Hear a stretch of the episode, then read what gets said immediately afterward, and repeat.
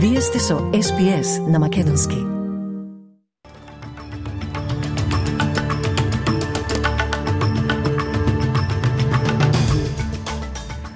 А од денешниот билтен вести издвојуваме. Повик до јавните службеници, посериозно да ја сватат безбедноста на профилите на социјалните мрежи. Франција се обидува да го запише правото на абортус во незиниот устав. Македонското собрание не ги изгласа измените на законот за продолжување на рокот на пасошите. И Матилдас, женската фудбалска селекција на Австралија, обезбеди учество на летните олимписки игри. Коалицијата ги повика јавните службеници да бидат повнимателни за ризиците за националната безбедност, откако АСИО откри дека јавните службеници и владините контрактори се цел на странски шпионски служби на интернет. Портпаролот на опозицијата за внатрешни работи, Джеймс Петерсон, вели дека околу 14.000 австралици имаат безбедносен сертификат, наведен на една професионална веб страница за вмрежување. Господин Петерсон вели дека тоа однесување треба да престане. Clearly, there are people who are still behaving in a naive way. If you advertise your security clearance on LinkedIn, that is basically putting up a billboard for a foreign intelligence service saying, please contact me. I have sensitive information that I could share with you. There is no reason to publicly advertise it, uh, except put your own interest, your personal interest ahead of the national interest. Пожарникарите успеа да локализираат два големи пожари кои горат во западна Викторија, еден западно од Баларат, а другиот во Дерил во близина на Джилонг но предупредувањата за следење и действување остануваат на место и за двата пожари. Жителите кои не живеат во градовите офатени со итни предупредувања сега можат да си одат дома.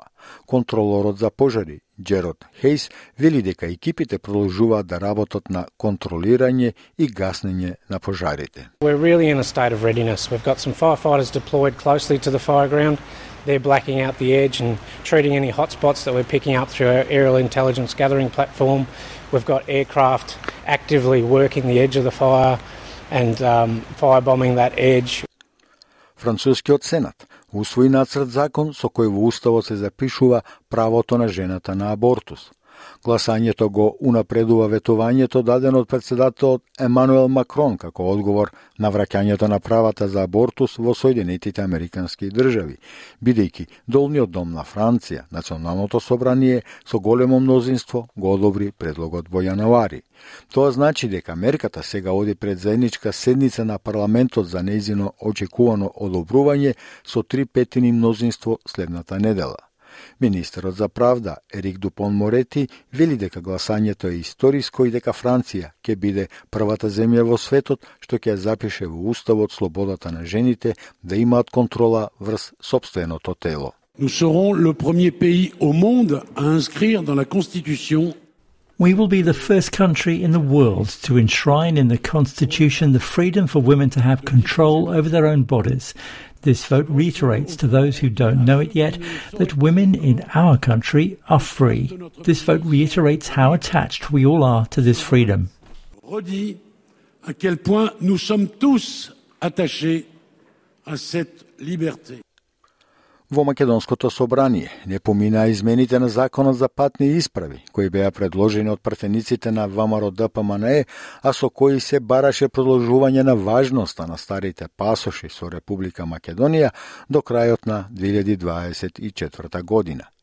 Македонските државјани сепак ќе мора да ги заменат старите пасоши со нови на кои ќе го пишува новото име. Против измените на законот гласаа 54 пратеници, додека 46 беа за. Предлогот го образложи координаторот Никола Мицески, но немаше дискусија. Уште од порано од СДСМ најавија дека нема да дадат подршка со образложение дека тоа би било спротивно на уставот со кој меѓународните договори, како што е преспанскиот, не може да се менуваат. Изговорот дека член 118 се прекршува не ви држи затоа што веќе е прекршен со донесувањето на измените на Законот за безбедност во сообраќајот, а од друга страна овој изговор нема правна логика и писменост, изјави од Собранинската говорница, координаторот на претеничката група на ВМРО ДПМН Никола Мицески и додаде. Ве уверувам со сигурност дека ќе следат тужби за надомест на штета против Република Македонија пред Европскиот суд за човекови права, а поради прекршување на уставното право на граѓаните и прекршување на човековите права според Европската конвенција за човекови права. Соединетите Американски држави продолжија да ги поддржуваат повиците за прекин на огнот во Газа, тврдејќи дека тоа ќе придонесе долг пат за облажување на спиралната криза со храна. Конвој со помош што превезуваа храна стигна до северниот дел на Газа оваа недела, што е прва голема испорака за еден месец до опустошената област, каде што Обединетите нации велат дека стотици илјади палестинци се соочуваат со гладот.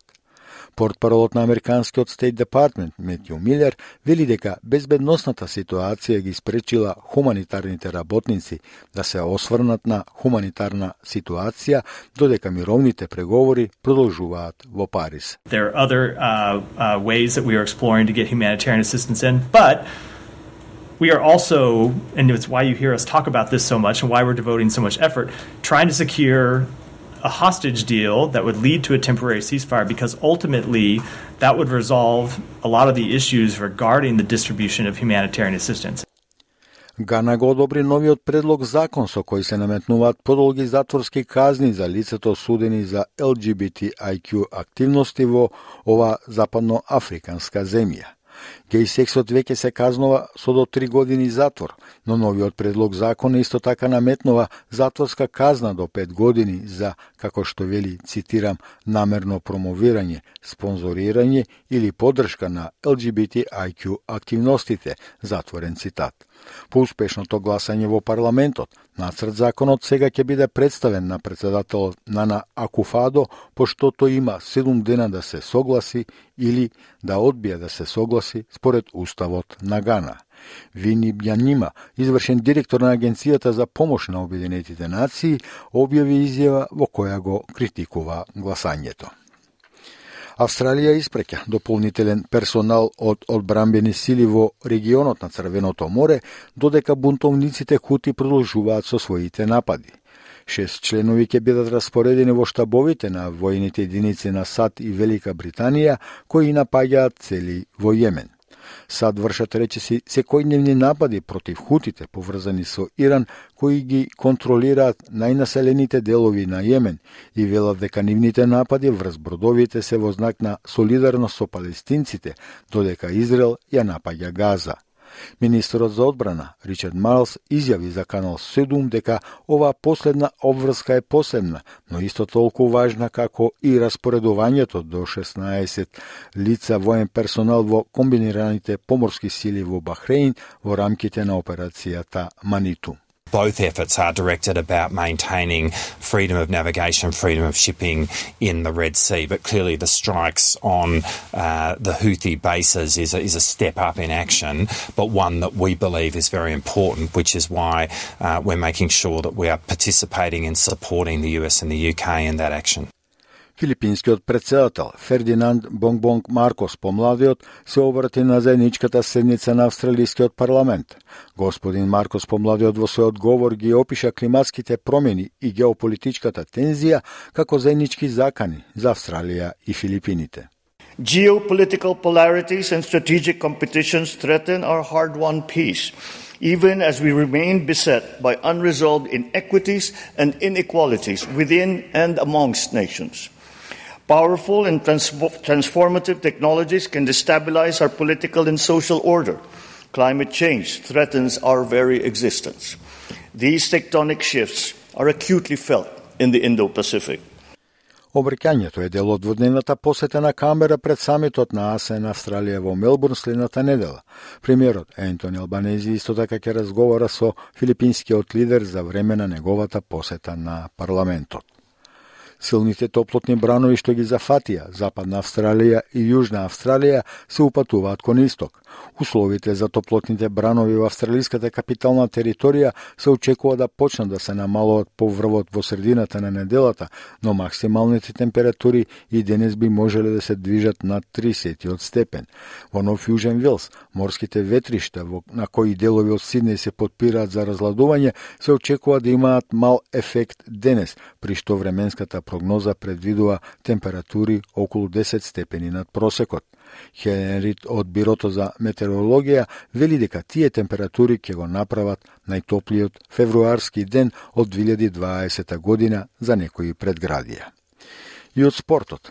Матилдас го резервира своето место на овогодинешните Олимписки игри во Париз, победувајќи го Узбекистан и во реваншот со 10 спрема 0. Канонадата од голови во првото полувреме за Австралија, вклучително и 4 гола од ветеранката Мишел Хейман, со што Австралија со 8 спрема 0 водеше веќе на полувремето. Хейман, која се врати од фудбалска пензија во Матилдас по повредата на звездата Сем Кер, постигна хеттрик во рок од 16 минути. Два гола во второто полувреме ја заокружија нагласената висока и убедлива победа од 10 спрема 0 против Узбекистан.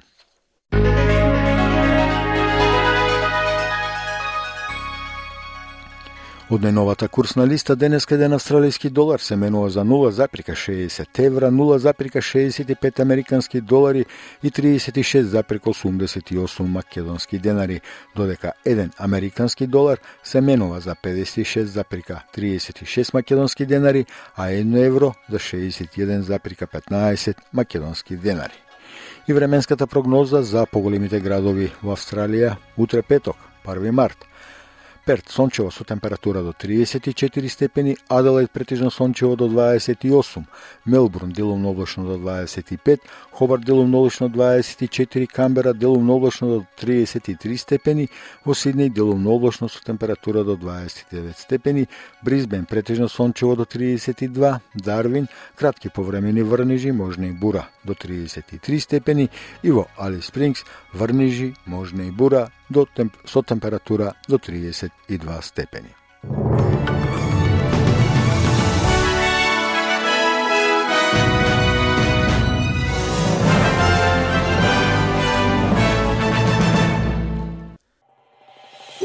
Сакате ли да чуете повеќе прилози како овој? Слушате подкаст преку Apple Podcasts, Google Podcasts, Spotify или од каде и да ги добивате вашите подкасти.